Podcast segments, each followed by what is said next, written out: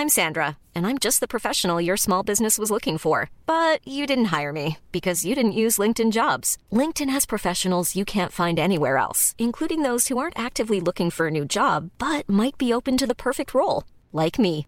In a given month, over 70% of LinkedIn users don't visit other leading job sites. So if you're not looking on LinkedIn, you'll miss out on great candidates like Sandra. Start hiring professionals like a professional. Post your free job on linkedin.com/people today.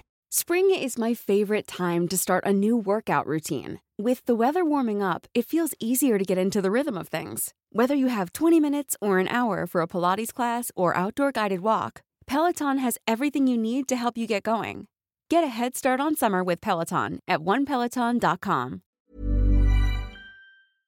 Beste luisteraars en kijkers van Even de podcast. Eh, vorig jaar toen ik Even de podcast begon, zat ik natuurlijk altijd in de studio live tegenover mijn gasten.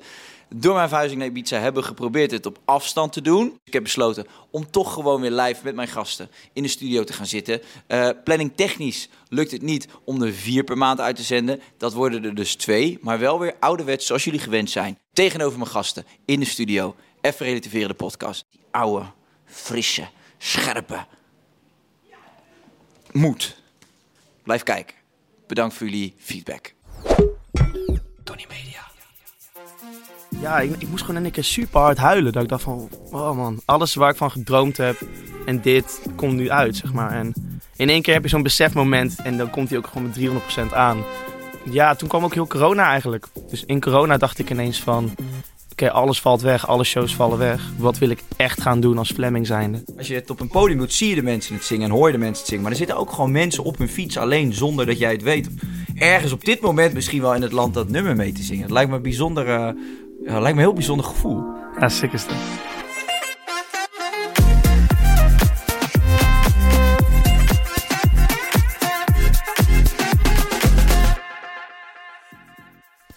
Dames en heren, welkom bij een nieuwe aflevering van Even Relativeren de podcast. Leuk dat je luistert of misschien wel kijkt. Ik heb vandaag een eh, bijzondere gast. Ik heb zin om hem eh, beter te leren kennen, want ik ken hem eigenlijk nog helemaal niet. Althans, op persoonlijk vlak. Eh, tegenover mij zit Fleming Figuurs. Hallo? Ja, je zei net al, je kwam binnen en eh, je, je hebt deze week zes shows gehad. Vanavond heb je er nog twee. Fucking tof dat jij in dat drukke schema de tijd vrijmaakt om met mij, eh, om, om met mij in gesprek te gaan. Eh, ik weet dat heel veel muzikanten tot, tot in hun oren in het werk zitten. Tot over hun oren in het werk zitten, moet ik zeggen, op dit moment. Dus thanks daarvoor, man. Zeker man, absoluut. Ja, ik. ehm, jouw hele jaar moet gewoon een rollercoaster zijn geweest. Niet alleen deze week, maar gewoon überhaupt het afgelopen jaar. Eh, een beetje cliché, maar ik moet het toch vragen. Hoe kijk je terug op afgelopen jaar? Ehm, het is lastig man. Alles wat ik meemaak voelt alsof dat drie jaar is geweest. Maar het is echt drie kwart jaar geweest. Dus er gebeurt Ja. superveel. En op zich sta ik wel stil bij sommige dingen. Maar sommige dingen vliegen ook voorbij. En dan pas een week daarna denk je van... Oh ja, die hebben we ook nog gedaan trouwens. Wow, bizar. Dus het is echt heel erg vet. Ik kan gelukkig ook echt wel genoeg, genoegen van genieten, zeg maar. Eh, Ja, hoe maar doe het je is- dat? Het is wel veel, man. het is wel veel. Hoe doe je dat, het genieten? Als je dan op het podium staat of Mhm. eh, ja, je, je, scoort, je scoort die enorme hit. Hoe geniet je daarvan? Wat, wat, wat probeer je het je allemaal wel te beseffen op zo'n moment? Ja, zeker. Dus, Nee, ik geniet vooral echt het meeste van op het podium staan. En als je dan Amsterdam inzet of automatisch en mensen zingen dat dan mee. ehm, ja, dat is magisch. Dat vind ik echt heel vet. Ja, het gevoel dat mensen meezingen met een nummer dat je ja, zelf bedacht, geschreven Mhm. hebt. Hoe, hoe, hoe is dat? Leg me dat eens uit. Eh, eigenlijk is dat heel persoonlijk, omdat je dat nummer natuurlijk zelf hebt geschreven of met in een sessie. En ja, het doel van Amsterdam was ook van, ah, ik hoop dat het echt zo'n lekkere meezinger wordt. Dat als je die inzet op een festival, dat mensen gewoon helemaal feel good zijn en gewoon een leuk feestje willen maken. En dat zie je nu dan wel gebeuren en terug. Dus eigenlijk het doel waar je dat liedje mee schrijft, dat komt dan uit. En dat is wel Ja. kicken. Ja, je zegt persoonlijk, ik kan me dat wel voorstellen. Want ja, op het moment dat je dat schrijft, ja, je moet, je, ja, die inspiratie put je uit jezelf, uit je, uit je hoofd, uit je hart, uit, uit, uit je verleden, uit dingen die je hebt meegemaakt of juist hoe je de toekomst voor je ziet. En dat, dat is dan iets wat mensen. Maar kijk, jij ziet het, als je, als je het op een podium doet, zie je de mensen het zingen en hoor je de mensen het zingen. Maar er zitten ook gewoon mensen op hun fiets alleen zonder dat jij het weet. Ergens op dit moment misschien wel in het land dat nummer mee te zingen. Het lijkt me een bijzonder, eh, ja, lijkt me een heel bijzonder gevoel. Ja, sick is dat. ik, zie, ik zie nou ook gewoon mensen fietsen in mijn hoofd zo. Ja, ja gewoon maar hoe, hoe wij dat vroeger toch ook deden naar school eigenlijk, weet je wel. Ik Ja. weet nog, toen ik, toen ik op de middelbare school zat, had je echt eh, de Opposites en Gers Bedoel. Dat waren zeg maar onze soort van muziekhelden waar we naar luisterden. En het is Ja. wel bizar dat, dat dat bij mij nu ook gebeurt met deze generatie eigenlijk. Ja, ongelooflijk. En je zat daarvoor, v- voordat je eh, eigenlijk een soloartiest eh doorbrak, heb je in een band gezeten. Vertel daar eens over. Klopt, ja, Baby Blue. Dat was een, een coverband uit, uit Brabant. Eigenlijk vier beste vrienden van mij, van mijn middelbare school. En we wilden gewoon gaan muziek maken, kijken of het, of het klikte. En toen naar een set gewerkt. En ook met hun echt superveel festivals gespeeld. Bruiloften, feesttenten. Ehm, en heel veel geleerd. Eigenlijk in zeven jaar tijd heb ik daar ongeveer 700 shows gedraaid. En dat is echt wel een hele goede soort voorbereiding geweest op wat er nu allemaal gebeurt. Ja, dus met die band heb je ook al succes bereikt. En toch kies je er dan voor om op een gegeven moment solo te gaan. Hoe, hoe kwam die keuze? Die keuze kwam eigenlijk omdat dat altijd mijn droom was geweest. Om echt met mijn eigen nummers door te breken in plaats van covers te blijven spelen. En ja, toen kwam ook heel corona eigenlijk. Dus in corona dacht ik ineens van... Oké, alles valt weg, alle shows vallen weg. Wat wil ik echt gaan doen als Fleming zijnde? En toen dacht ik, ja, ik wil gewoon mijn droom achterna gaan. En toen moest ik wel die keuze maken. Maar gelukkig omdat alle shows wegvielen, deed het ook wel iets minder pijn of zo. En, en ze zijn ook gewoon gelukkig doorgegaan met een andere zanger. Dus dat is ook wel fijn. Je hebt eigenlijk in die coronaperiode de, de kans gekregen om eh, het hele solo-verhaal verder uit te denken en meer energie en tijd te geven. Klopt, ja. Klink, klinkt wel als een periode die je misschien voor je carrière wel nodig hebt gehad. Hoe gek dat ook. Zeker, ja, omdat ik eigenlijk... Ik had nooit de tijd om dit te doen toen ik in Baby Blues zat. Want we hadden eigenlijk gewoon 120 shows per jaar. Ehm, en als je dan ook nog na, na het weekend nog moet gaan schrijven of andere dingen moet gaan plannen, dat is best wel pittig. En ook nadenken over twee verschillende acts. Dus uiteindelijk had ik dat toch altijd een beetje op een soort van eh, parkeermodus gezet. En toen corona kwam, juist weer helemaal eh, herstart. zeg maar. Ja. En, en waren die jongens van Baby Blue, dat waren echt jeugdvrienden van je? Eh, middelbare schoolvrienden, ja. Ja. Hoe hebben ze erop gereageerd eh, op het moment dat jij toch wel deze ambities een beetje kenbaar maakte?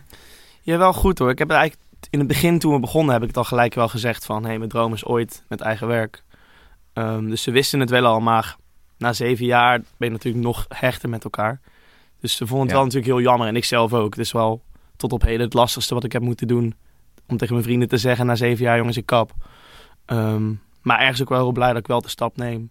Want anders dan zat ik hier ook niet. Nee. ja. En hoe, eh, ja, wo- wordt het je gegund vanuit hun? Zeker, absoluut, absoluut. Ja. Het is wel, eh, ja, het, het, het lijkt me ook wel maf om te zien dat, eh, dat je zo sterk voelt dat je iets moet doen en dat het dan, dan ook nog echt uitpakt, weet je wel. Op het moment dat je misschien jaren aan tobben bent en dat het dan niet echt van de grond komt. Mhm. Nee, maar je hebt het gewoon zo sterk gevoeld en, en, en terecht blijkbaar, want eh, ja, het, eh, het succes was daar al heel snel. Ja, dat was wel bizar. Ik wist wel dat ik met mijn, manager, nee, met mijn label ging praten. En die zeiden ook van Heflem, als, als Amsterdam de eerste wordt... Weet je, het kan misschien ook een paar singles duren of misschien eh, wordt het wat lastiger. Ehm, maar dat die eerste eigenlijk al zo door het geluid zou gaan... dat hadden we natuurlijk nooit eh, verwacht, maar wel gehoopt. Dus Ja. het was ook al zo'n bizarre start eigenlijk gelijk van... Eigenlijk, ja, volgens mij is het echt een, een start die in mijn optiek volgens mij alleen Suzanne Freek hebben gehad. Dat de eerste Ja. echte single meteen eh, ja, door, doorknalt of zo. Want hoe gaat dat in zijn werk? Buiten het feit dat het gewoon een goede plaat is en mensen het gewoon super catchy deuntje vinden en eh, het gewoon goed wordt opgepakt. Maar je moet toch, uiteindelijk heb je ook die grote radiostations heb je nodig en die publiciteit. Hoe, hoe kan het dat de een daar wel doorheen komt en de ander net niet? Weet je wel, wat, wat is het bij jou geweest, denk je? Ehm, wij hebben op zich wel geluk gehad dat de radio al gelijk eh, geïnteresseerd was. Dus En hoe kwam dat, dat ze gelijk geïnteresseerd waren? Nou, in de muziekwereld heb je gewoon een plugger. Dus een plugger houdt zeg maar in, die werkt voor labels en die gaat eigenlijk met singeltjes langs de radio. En dan Ja. kan de radio ook gaan luisteren van, oh, vinden we dit iets? Eh, oh, dit komt, nieuwe Ed Sheeran komt uit of nieuwe die. En als ze dan een nummer hebben die ze soms vet vinden, dan kunnen ze een nummer wel de kans geven. Dus je hebt verschillende rotaties bij radio. Dus C-rotatie, B-rotatie, A-rotatie. Ja. En als ze dus een nummer een beetje willen checken, Dan gooien ze me eerst in een C-rotatie of een eh, repeat of niet. Of een Ja. van, die, eh, van die dingetjes. Maar wij kregen dus ook de kans bij repeat of niet. En bij Q-Music en 538 die gingen me gelijk al testen. En gelukkig waren toen de reacties ook van mensen heel erg positief. En toen dachten ze, nou, hij, hij, hij scoort goed. Dus nu gaan we hem een, een eh, schijfje omhoog gooien. En toen Ja, en dan kwamen de streams gelukkig ook nog, zeg maar. Dus dat was wel Ja. heel fijn. Maar de radio heeft hem Maar denk hoe- ik wel echt een soort van de kans gegeven. Want in hoeverre heb je radio in deze tijden echt nog nodig? Want je hebt het inderdaad over streams. Tegenwoordig heeft iedereen op zijn eigen telefoon eh, duizend eh, platformen van, van Spotify tot weet ik veel wat, waar ze hun eigen muziek op kunnen afspelen. Eh, YouTube kan het, bre- brengt het ook. Dus in hoeverre denk jij dat radio nog echt belangrijk is om door die eten te knallen als, als muzikant? Ehm, ik denk stiekem toch best wel belangrijk. Vooral, kijk, bij Ja. mij was het natuurlijk... Niemand kende me. Dus als Nee. nieuwe artiest... ehm, als je dan gelijk op de radio wordt gedraaid... waar toch wel best wel veel mensen naar luisteren... en ze horen op die manier je nummer voor de allereerste keer... en over jou over de eerste keer... dan is dat best wel waardevol. Ehm, en ook vaak als een net nieuw... Dat ook, ik luister ook als gewoon radio... en dan hoor ik een liedje en denk ik, oh, die is leuk. Dan ga ik hem even checken in de Spotify-lijst... zodat je hem dan gewoon in je eigen lijstje kan zetten. Ja. Maar stiekem, stiekem is het volgens mij best nog wel belangrijk. Althans, wat ik, wat ik altijd hoor is dat radio wel echt ehm, bepalend kan zijn in welke songs wel groot kunnen worden. Zomaar. Ja, omdat je toch een beetje het gevoel hebt dat, eh, weet je wel, eh, ja, in deze moderne tijd dat iedereen gewoon lekker zijn eigen Spotify-lijstje aanzet in de auto. En dat weinig mensen nog radio luisteren. Maar dat valt dus, valt dus heel erg mee. Er wordt echt nog wel gewoon flink naar radio geluisterd, blijkt. Ja, dat is trouwens ook wel zo. Als je af en toe die cijfers hoort van die Koen en Sanders show, die zijn natuurlijk nu gestopt. Eh, maar ja, blijkbaar vinden mensen het, ook, ook het gelul op de radio nog steeds lekker. Toch? Ik denk Even het gelul af- wel, maar de reclames denk ik niet. Nee, die reclames zijn helemaal kut. Maar ik moet ook wel zeggen, al heel af en toe luister ik ook gewoon... Toen ik in de auto zat nog veel tussen Rotterdam en Amsterdam... soms zet ik gewoon BNR aan om gewoon naar gelul te luisteren, weet je. Dan gewoon om even uit te staan. Dus, eh, maar goed, dus radio heeft een belangrijke rol gespeeld. Je bent nog een jonge gozer, je bent mid 20. eh, dan, leg- dan lijkt de wereld aan je voeten te liggen, wordt er dan altijd zo mooi gezegd. Ehm, zit je heel erg in het moment even nu, of ben je heel erg aan het plannen? Heb je een, masterplan voor jezelf klaar liggen? Ik ben wel een planner, dat wel. Zeg maar, ik had, voordat Amsterdam uitkwam, eh, had ik de tweede single ook al af.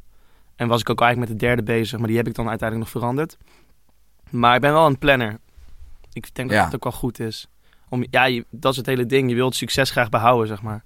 En natuurlijk, je wil dat elke single iets gaat doen. En dat je uiteindelijk een hele show hebt met nummers die mensen mee kunnen zingen. Dus Ja. ik ben dan echt altijd wel met mijn volgende stap bezig, ja.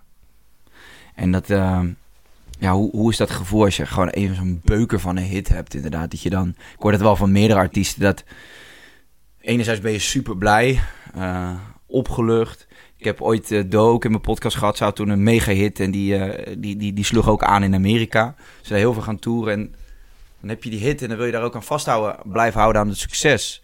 Eh, maar automatisch komt er ook een soort van angst naar boven van, ja, is mijn volgende hit nog wel zo goed, weet je wel? Mhm. Voel jij dat ook? Die, die, die soort van bijna een soort van druk op jezelf nu? Ehm, ja, ik had vooral bij de tweede. Die vond ik eigenlijk heel eng. Omdat Amsterdam hadden we uitgebracht en we hadden er geen verwachtingspatroon van. Dus ik zei ook tegen mijn label van... als hij een half miljoen keer wordt gestreamd, ben ik echt wel blij. Hoe Ehm, vaak is die uiteindelijk gestreamd? Volgens mij zit hij bijna op 40 miljoen, dus Sick. is iets geëscaleerd. Ja. Nee, maar de eerste ehm, overviel me en dat was gewoon van... wow, te gek, wow, niet, niet normaal. Maar de tweede, daar was ik heel erg bang voor. Ehm, want dat was een beetje van of het wordt een eendagsvlieg of niet. Ja. Dus die vond ik best wel spannend. En nu is eigenlijk het doel, vind ik altijd... Je moet gewoon zorgen dat je nieuwste single... ehm, voor jouw gevoel past bij die vorige. Qua niveau, Ja. qua... ja, gewoon hoe je er zelf over nadenkt. Ik denk dat dat het belangrijkste Maar- is. Als je achter je eigen tracks blijft staan... Ik denk dat dat een soort van de succesformule zou zijn. Maar het lijkt me wel lastig. Tenminste, ik zou dan in mijn kop hebben van... Oké, ga ik nu iets maken wat er dus op lijkt? Want ik weet dat daar ergens... Hè, daar zit een soort succesformule. Eh, misschien dat je dat trucje een beetje kent. Aan de andere kant denk je ook weer... Ik wil ook verrassen, weet je. Ik wil ook iets brengen wat, wat, wat mensen weer omverblazen van... Huh, what the fuck? Is dit Fleming? Mhm. Weet je wel? Dat lijkt me best wel een moeilijke eh, afweging. Ja, het is wel lastig. Ik heb bijvoorbeeld... Ik had in mijn, in mijn hoofd al een soort van staan van de eerste drie singles die ik ga doen, wil ik zelf doen. En nu vind ik het dan bijvoorbeeld een perfect moment om een eerste feature te doen. Ja. Ehm, dus 19 augustus komt nou dan terug bij af, af, eh, terug bij af uit met Ronnie. Dus dat is wel Ja. heel vet. Maar in mijn hoofd was ik ook altijd, ik dacht van ja, oké, als ik nu na drie solo singles weer een eigen plaat ga doen, misschien kunnen mensen dan denken van ja, dat, die, die snappen we nu wel.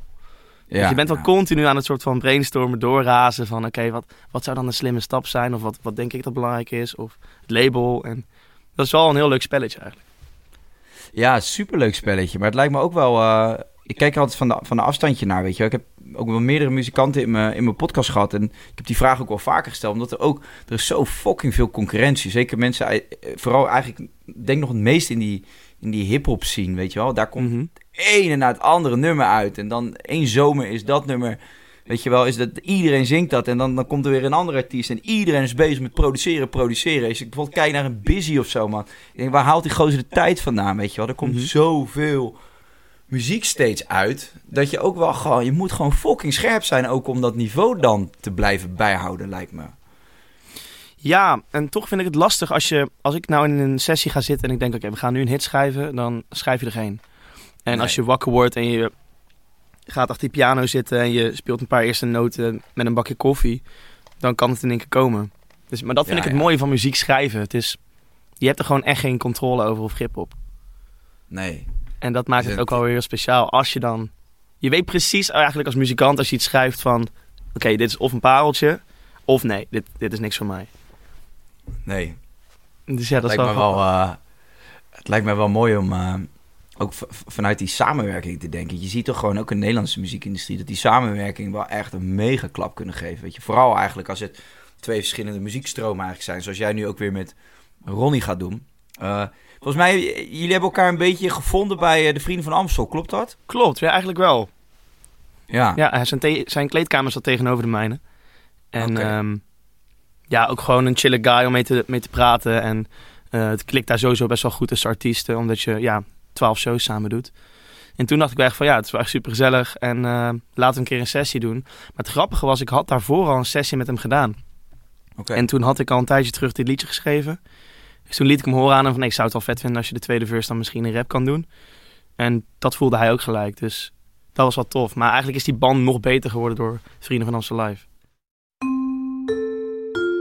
We gaan er heel even tussenuit voor de reclame.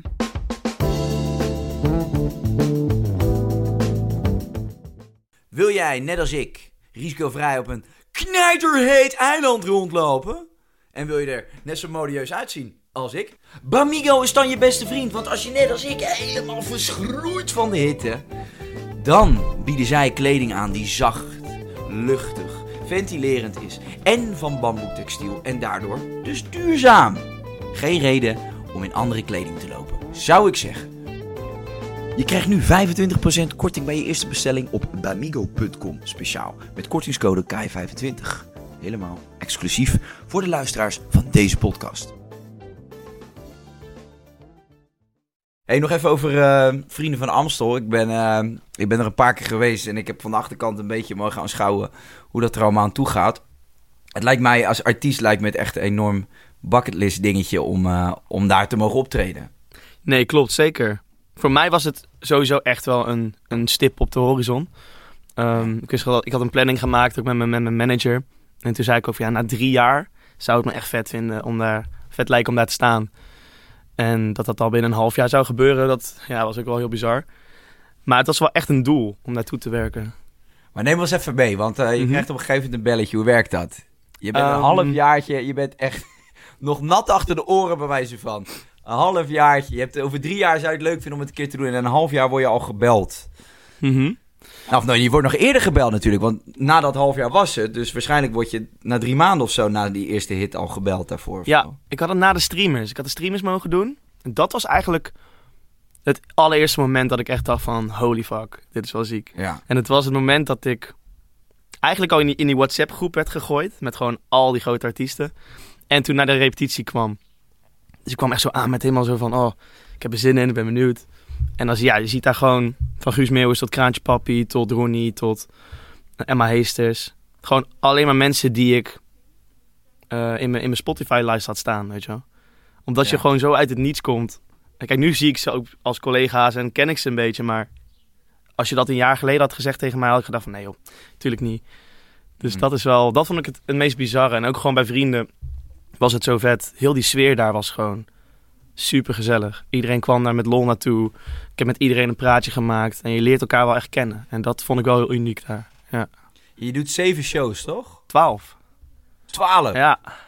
En dit is twaalf dagen achter elkaar. Je hebt twaalf dagen achter elkaar met twee rustdagen. Maar dat was Koningsdag en Bevrijdingsdag. Dus dan heeft iedereen zelf nog een shows. Dus eigenlijk 14 Ja, dagen ja. achter elkaar heb je shows gehad. Ja. Hey, en je, je woont, eh, of je komt uit Brabant. Woon je, woon je nog in Brabant? Ja. Dus je, ben- heb je toen in Rotterdam geslapen, die periode? Of, eh, Ja, ik heb wel in het hotel geslapen. Alleen, eh, ja, het was wel, Vrienden van Amsterdam Live was het allervetste wat ik ooit heb gedaan. Maar ook wel echt het zwaarste. ja. Maar ik ben ook een Brabander, dus ik hou ook al van een pilsje, weet je wel. En vooral als het de eerste keer is, je voelt je een soort van jonge hond, jonge gedreven hond. En ja, je wil je mega bewijzen ook natuurlijk. En, ja, ergens wel, ergens wel. Maar je wil ook gewoon lekker ehm, praten met iedereen. En ik zei nog tegen mezelf, oké, de eerste vijf dagen doe ik gewoon een beetje chill. Op tijd naar bed, niet te veel drinken. Alleen de derde dag was er al gelijk een afterpartytje ergens bij Lucas en Steve in de kleedkamer. Werd het alweer zes uur. Nou, superleuk. Maar ik, ik hou daar ook wel van, weet je wel. Gewoon eh, lekker klikken met iedereen. ja, maar dat is het ding. Bij Vrienden van Alm staat er natuurlijk ook achter... Er staat er natuurlijk ook onbekend dat er achter de schermen gewoon nog zoveel gefeest wordt in al die hotels. En eh, ja, Rotterdam weet altijd wel als die artiesten er zijn, zeg maar. Mhm. wordt dat wel lekker eh, lawaai gemaakt. Dus je bent helemaal naar de kloten, denk ik, man. Als je dan nog twaalf van die fucking grote shows staat te doen. Ja, nou, ik had wel zeg maar toen ik thuis kwam. Ik reed naar huis toe die ehm, laatste dag. En toen had ik wel echt even drie dagen een soort dip hoor. Want ik dacht van wow, wat heb ik allemaal meegemaakt. Maar je spreekt ook, ja dat ook. Weet je. Je gaat elke dag even naar het VIP-deck en je ontmoet nieuwe mensen. Dus eigenlijk voor je, voor wat je meemaakt is het een soort van overload. Dus eigenlijk Ja. te veel maak je mee in een korte periode, wat wel heel tof is. Alleen dat zorgt er soms ook echt voor dat je denkt van, pff, even, het zit even te vol zo. Ja, ik kan me voorstellen dat je wel even een paar dagen nodig hebt om dat allemaal te verwerken. Wat, wat is het bijzonderste wat je daar hebt meegemaakt? eh, even nog buiten het optreden om, want er gebeurt een hoop achter de schermen daar. Wat, wat zal je altijd bijblijven van de Vrienden van Amstel? Ik denk. ehm, het was zeg maar. Alles wat er nu gebeurt gaat in zo'n sneltreinvaart. ehm, dat je een soort van die knop omzet van oké, gas, gas, gas. En soms wat, wat minder tijd hebt om stil te staan en te rela- relativeren van. Yo, wat Ja. gebeurt er nu allemaal eigenlijk? En ik wist nog, ik stond bij de doorloop van Vrienden van Amsterdam Live. Stond ik onder het podium te wachten. En in één keer ja, ik, ik moest gewoon in keer super hard huilen. Dat ik dacht van, oh man, alles waar ik van gedroomd heb en dit komt nu uit, zeg maar. En in één keer heb je zo'n besefmoment en dan komt hij ook gewoon met 300% aan. En op dat moment kwam eigenlijk net Simon naar me toe lopen, van Nick en Simon. En ik liep eigenlijk een beetje weg, want ik dacht van, ja, ik wil niet dat ze zien dat ik huil of dat ik, ik weet niet. Maar hij kwam achter me aan en toen gaf hij me gewoon een hele dikke knuffel. En toen zei hij ook van, het is gewoon mooi om te zien dat je er ook zo nou bij stilstaat. En gewoon een heel mooi gesprek met hem gehad. Ook dat hij gewoon zei, Ja. ik weet nog hoe dat voor mij was vroeger. En vroeger heb ik er eigenlijk heel weinig bij stilgestaan en ook alleen maar doorgesjeest. Dus het is goed eh, dat je deze momentjes hebt. Maar dat was echt zo'n heel mooi, puur momentje voor al die shows zelfs begonnen. Dus dat is me Ja, eigenlijk wel het ja, meeste bijgebleven, denk ik. Ja. Tof. Ja, en zeker tussen al het feestgeruis door nog zo'n mooi puur moment meemaken. En dat dat dan ook uiteindelijk het echte hoogtepunt is, is, is extra mooi, denk ik. ja, Want je, daar doe je het uiteindelijk allemaal voor. En het besef dat je dus wat je bereikt hebt.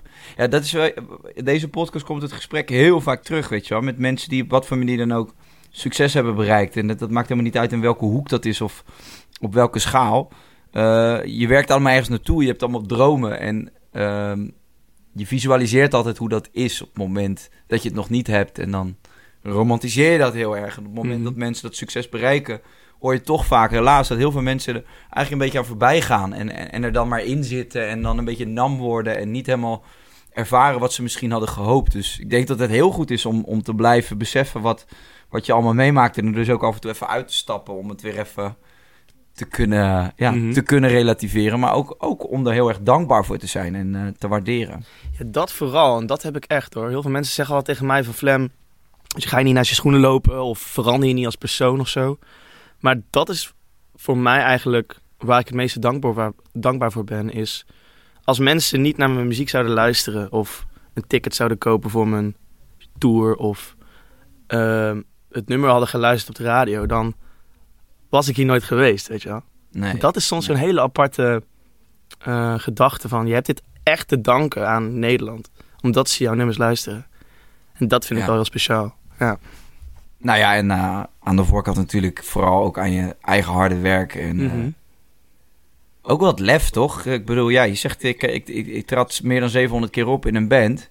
Ja, je had ook kunnen denken, nou ja, weet je, jeugdvrienden, we hebben het eigenlijk allemaal wel goed.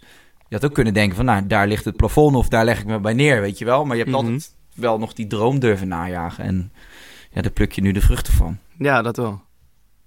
Hey, eh, we hadden het net over, je komt uit Brabant. Eh, eh, hoe, was je, hoe was je jeugd? Wil je daar wat over vertellen? Waar, Zeker. Als je, als je nu terugdenkt aan vroeger. Ik woon in de Brugstraat in Den Bosch. Met mijn ouders en mijn broer. Den Bosch is trouwens, sorry dat ik je onderbreek, ik vind Mhm. Den Bosch echt fantastisch. Ja, dat is prachtig.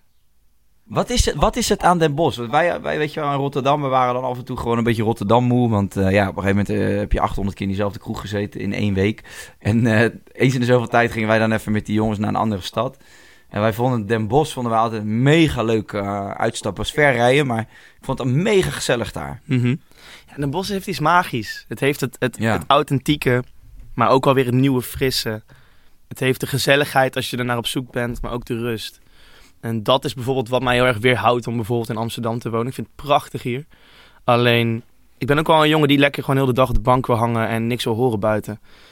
En ja, als ik naar Brabant ga, dan voelt het voor mij echt gewoon als thuiskomen. En vooral Den Bosch. Dus daar op de markt loop, ja, daar liep ik al als klein, als klein ventje. Dus eh, ja, dat eh, Ja. wil ik wel oud worden. Ja. Hiring for your small business? If you're not looking for professionals on LinkedIn, you're looking in the wrong place. That's like looking for your car keys in a fish tank. LinkedIn helps you hire professionals you can't find anywhere else, even those who aren't actively searching for a new job but might be open to the perfect role. In a given month, over 70% of LinkedIn users don't even visit other leading job sites. So start looking in the right place. With LinkedIn, you can hire professionals like a professional. Post your free job on linkedin.com/people slash people today. Dus daar ben je opgegroeid. En eh, hoe, hoe, ja, wat zijn je mooiste herinneringen aan vroeger? Heb je eigenlijk broers en zussen? Eén oudere zussen? broer. Ja, Connor. Oké. Oké. Ehm, ja, mooiste herinneringen. Dat begon Ja, eigenlijk een een beetje toen ik, toen ik tien was. Toen ging ik in Siske de Rad spelen, de musical. Ja. Toen ging ik me echt een beetje ontwikkelen als ja, zanger. Maar Den Bosch was gewoon heel leuk. Gewoon een fijne stad om te wonen. Hele fijne jeugd gehad. Ouders ook bij elkaar gebleven. Dat hoor je ook niet meer vaak. Ehm, Nog steeds? Fijn, hele fijne klik met mijn broer ook. Eh, hoor je ook niet vaak. en gewoon heel, heel vredig. Gewoon fijne opvoeding gehad van mijn ouders. Als ik het dan Stabiele gezinssituatie. Sorry? Een stabiele, een stabiele gezinssituatie. Ja, ja, echt een stabiele gezins... eh, ja. En op je tiende, eh, ja, wil je, of wil je dan, ja, dat wil je, je wil in een musical spelen, anders doe je het niet, denk ik. Mhm. Eh, dus dus die, die liefde voor muziek en zo, die, die had je al van een jonge leeftijd. En voor het optreden ook. Ja, dat is echt wel naar mijn ouders gekomen hoor. Die zijn ook heel erg, veel, eh, heel erg Queen-fan.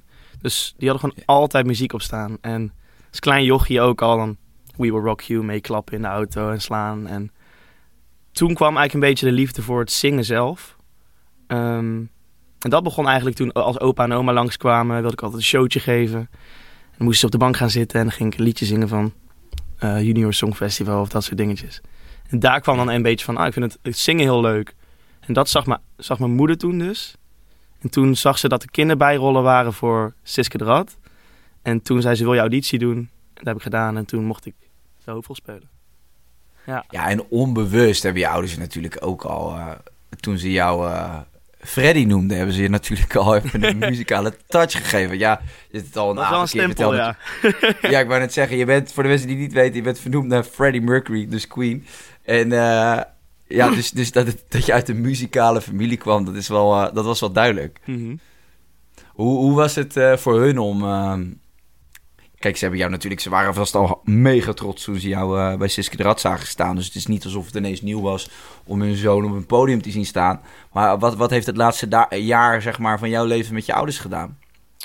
Ehm, ja, ze genieten er gewoon zo van. En dat is voor mij ook wel echt een drijfveer en een motivatie. Ehm, het fijne met mijn ouders was altijd, toen ik als klein, klein jochie al zei van ik wil theater gaan doen, of ik wil zingen, of ik wil iets met muziek doen, hebben ze altijd gewoon gezegd, ga ervoor, geef 200%. En als je het echt wil, eh, dan moet je dat sowieso lekker doen. Want mijn moeder zong ook altijd wel vroeger.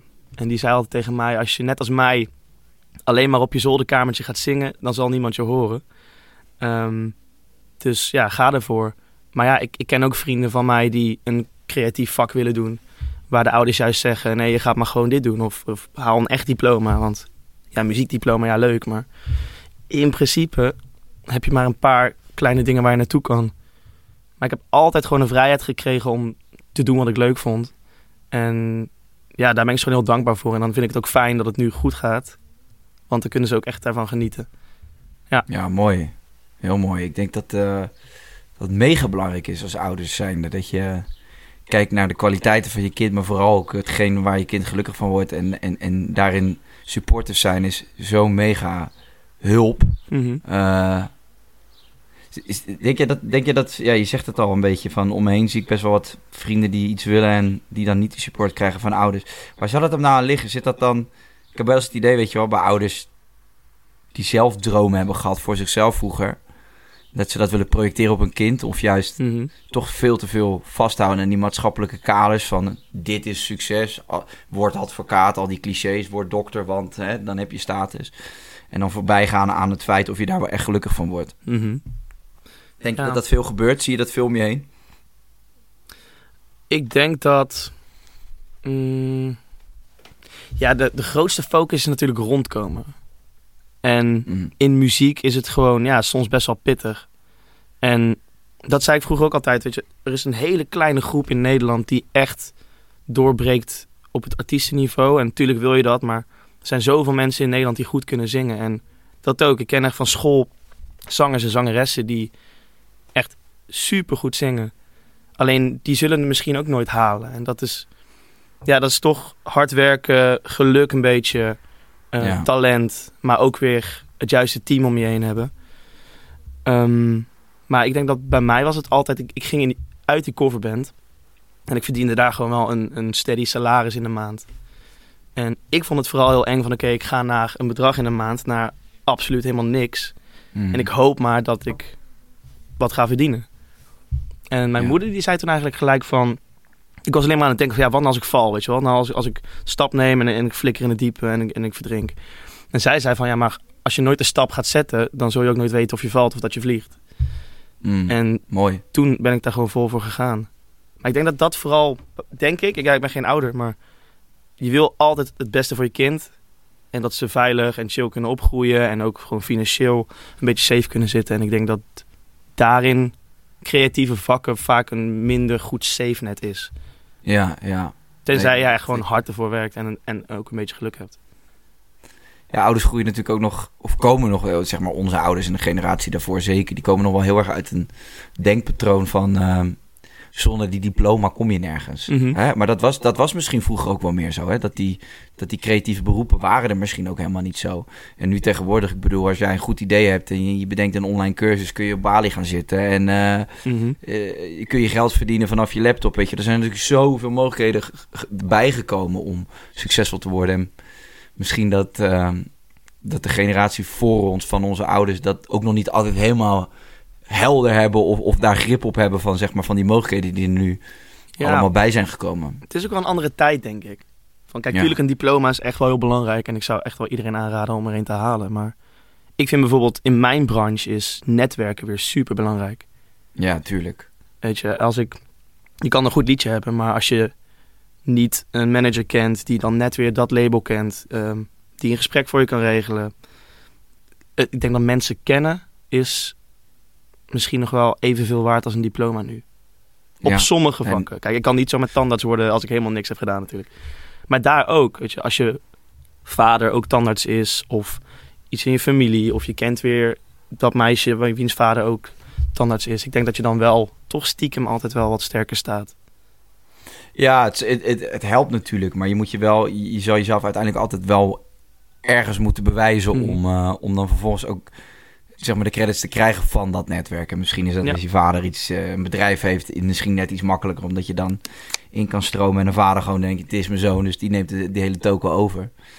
Maar ook, wel, jij, jij had het net over, kijk, jij hebt een risico genomen, eigenlijk een soort offer bijna gedaan. Klinkt wel heel zwaar, maar eh, ja, je ging van, eh, van, een, van een steady salaris even naar een onzekere periode. Door toch vertrouwen te houden, zie je dat je uiteindelijk altijd wel weer beloond wordt door dat universum of zo. Ik, ik geloof erin als je je zielsmissie achterna gaat. En ik geloof echt dat iedereen die heeft. Ik geloof alleen niet dat iedereen weet wat die zielsmissie is. Mhm. Omdat je soms vastgezogen zit in, in, in bijvoorbeeld school of eh, problemen in je, in je omgeving of in je gezinssituatie. Maar als je de weg durft vrij te maken van oké, eh, waar ligt mijn talent en wat is mijn grote doel hier op aarde. Ik denk, eh, als je daar de tijd voor neemt en daar vertrouwen in hebt, dat je eigenlijk altijd wel bij iets komt waar je heel gelukkig van kan worden. Absoluut. Maar die ruimte krijgt denk ik niet iedereen of die pakt niet iedereen. Ja, het is ook wel een moeilijke zoektocht hoor. Althans, als, Ja, als ik tuurlijk. terug ga denken naar mijn basisschool en je gaat naar middelbare school en daar moet je een soort van je eerste pakketten al gaan kiezen. Is dat best Ja, wel lastig om dan al te bepalen, hey, wat wil ik echt gaan doen? En dat zie ik bijvoorbeeld nu heel veel bij mijn vrienden. Die hebben dan opleiding gedaan, dat gestudeerd en die zijn nou in één keer nog een opleiding aan het doen of totaal geswitcht van vak. Eh, omdat Ja. je later pas echt een beetje... Ja, ik had het geluk dat ik altijd al wilde zingen en ja, ook het geluk dat het nu lukt. Maar als ik nooit toen al 200% bewust was van dit wil ik doen, dan wist ik ook begon niet wat ik wilde doen hoor. En dat Nee. heeft wel tijd nodig, denk ik. Of goede begeleiding van school, dat je even alles kan checken van, oh, hoe is dit, hoe is dat. Daarin is dat stage lopen dan wel weer goed. Maar dus, het is ook gewoon fucking waardevol eh, dat jij vanaf jonge leeftijd al wist wat je tof vond. Jij, jij voelde toen al van ik vind het vet om op een podium te staan, om te zingen, een stukje te acteren. Maar dan kom je bij het punt, hè, tot, tot zeker je achttiende, hebben je ouders toch wel een hele grote invloed op, op de Mhm. keuzes die je maakt. En daarin heb jij wel die support gekregen van je ouders, waardoor jij hebt kunnen accelereren in, in het ontwikkelen van die talenten en, en daar beter en beter in te worden. En zo zie je dus dat, dat ja, daar ergens rond jouw tiende heeft gewoon eigenlijk een fucking belangrijk eh, stukje plaatsgevonden in de rest van jouw leven. Dat vind ik wel altijd interessant om te zien, zeg maar, bij mensen die eh, ja, doen wat ze gewoon heel erg leuk vinden. Omdat ik denk, ik denk echt dat dat iets is wat heel veel mensen nastreven. Gewoon gelukkig zijn hetgeen wat je doet. En dat hoeven niet allemaal grootste dingen te zijn. Voor de ene is dat op een podium staan, en voor de andere is dat eh, ja, thuis kastjes in elkaar timmeren. Maar gewoon gelukkig zijn, wakker worden en denken van vet wat ik doe. Volgens mij is dat het grootste goed voor heel veel mensen. En toch zijn er zoveel mensen die ermee struggelen. Ik heb ook in mijn vriendengroep best wel vaak mensen die zeiden... Ja, Kai, weet je, jij hebt gewoon echt iets gevonden waar je echt heel erg blij van wordt. En wat je tof vindt om te doen. Ik, als jij mij nu vraagt, wat is jouw grote passie of jouw grote talent? Ik, ik zou het bij mezelf niet kunnen opnoemen. Maar dat is omdat ze denk ik ook ergens gewoon op jonge leeftijd al niet echt... Ja, de kans hebben gekregen of zo om dat te ontdekken. Dus ik denk dat dat, een, eh, ik denk dat, dat best wel een belangrijk eh, gedeelte is wat veel mensen missen. Mhm. Wat zonde is. Ja. Heb jij, ehm, ja, je zei net al een beetje van, ik, heb, ik heb, ben wel heel erg aan het plannen. Eh, ja, weet je wel, als je dan naar nog eens vijf jaar kijkt. Bij jou is alles mega snel gegaan, maar als je nu naar nog vijf jaar kijkt, waar hoop je dan te staan? Ehm, ja, ik hoop wel echt gewoon op een, op een mooie lange carrière, net als een Guus Meeuwis bijvoorbeeld. Ja. Dat lijkt me echt wel vet. En het zou ook wel dik zijn als je gewoon zo'n soort eigen show hebt in een Philips Stadion of in Ziggo Dome. Ehm, dat lijkt me wel tof. Je gaat nu toeren, hè? Ja. Ja, en die kaarten gaan mega snel. Weet je wat, dat lijkt me al gewoon als, eh, ja, als, als muzikant of als artiest... Is dat, dat is al gewoon alleen een eigen tour hebben, is toch al Zeker, huge. absoluut. Dat, is- dat is echt ook al een droom die in vervulling is gegaan. Maar eigenlijk gewoon in, Ja. in dit tempo gewoon hopelijk doorgaan. En eh, uiteindelijk gewoon een mooie fanbase creëren waar je gewoon heel veel shows mee kan gaan doen. En op elk festival staan. Dat lijkt me wel echt heel vet. Ja. En als je ook kijkt naar eh, gewoon Nederlandse muziek, zeg maar. Weet je, soms wordt muziek van, van Doe Maar wordt nog steeds gedraaid. Eh, Bluff heeft van die nummers die, eh, die gewoon eeuwig blijven hangen, weet je. Het zijn, ik vind het wel met Nederlandse muziek, en niet alleen met Nederlandse muziek, maar als je gewoon echt een catchy nummer hebt, dat kan dan gewoon zo lang, zeg maar, blijven hangen. En, echt onderdeel worden van, van mensen hun leven, weet je wel. Je een herinnering aan een barbecue of een herinnering aan een vakantie. Hoe kick is dat? Mhm. Ja, dat is wel tof. Een maat van mij zei het laatst tegen me. Die zei van, Flem, ik heb zo'n gevoel dat Amsterdam ook al zo'n tijdloze plaat kan zijn. Maar hoe Ja. vet zou het zijn als je om over vijf jaar nog steeds op een feestje staat. En als iemand Amsterdam opzet, dat dan mensen nog steeds gewoon die, dat liedje zingen. Dat is wel echt kick. Ja. Ja, heel tof. Hetzelfde als zo'n Het is een Nacht, weet je wel. Of een Brabant. Maar dat, zijn, dat is ook een heel iconisch nummer natuurlijk.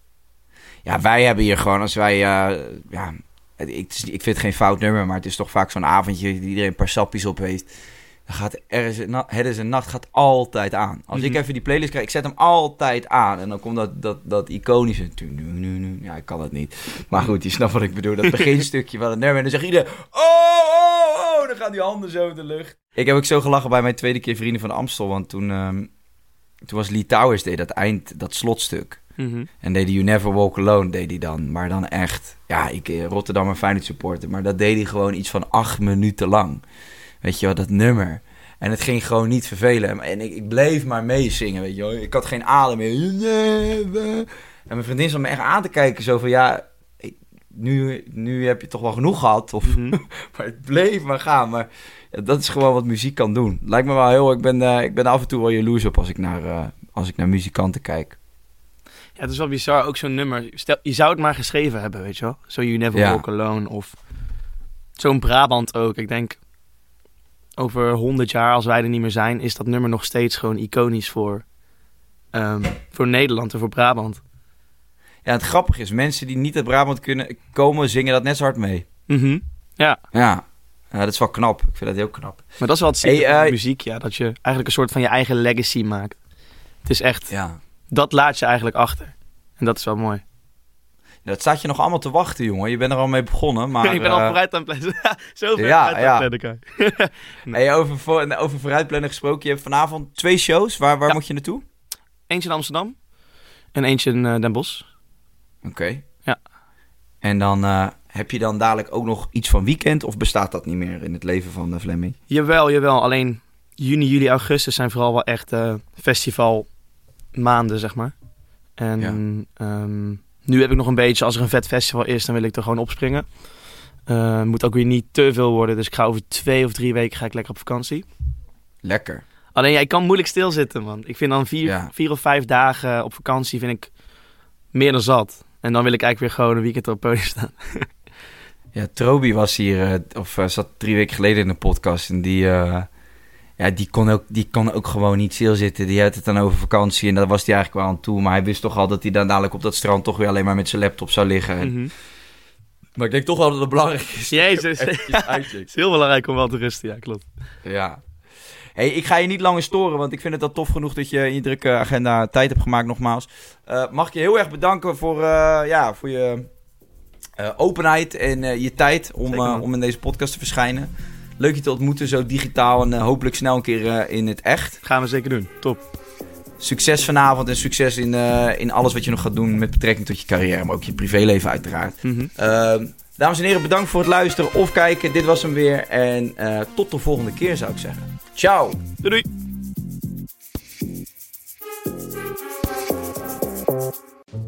Wil jij adverteren in podcasts van Tony Media en staan waar voorheen bol.com of Coca-Cola stonden? En wil je dat dit ontzettend saaie spotje wordt vervangen door een hele leuke reclame? Mail naar adverteren@tonymedia.nl. Hey, it's Paige DeSorbo from Giggly Squad. High quality fashion without the price tag. Say hello to Quince.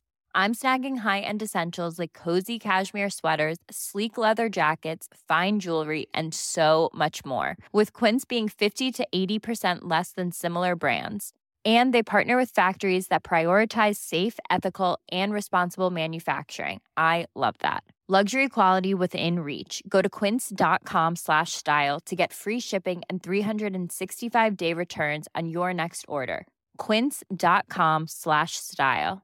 Mom deserves the best, and there's no better place to shop for Mother's Day than Whole Foods Market. They're your destination for unbeatable savings, from premium gifts to show-stopping flowers and irresistible desserts. Start by saving 33% with Prime on all body care and candles. Then get a 15-stem bunch of tulips for just $9.99 each with Prime. Round out Mom's menu with festive rosé, irresistible berry chantilly cake, and more special treats. Come celebrate Mother's Day at Whole Foods Market.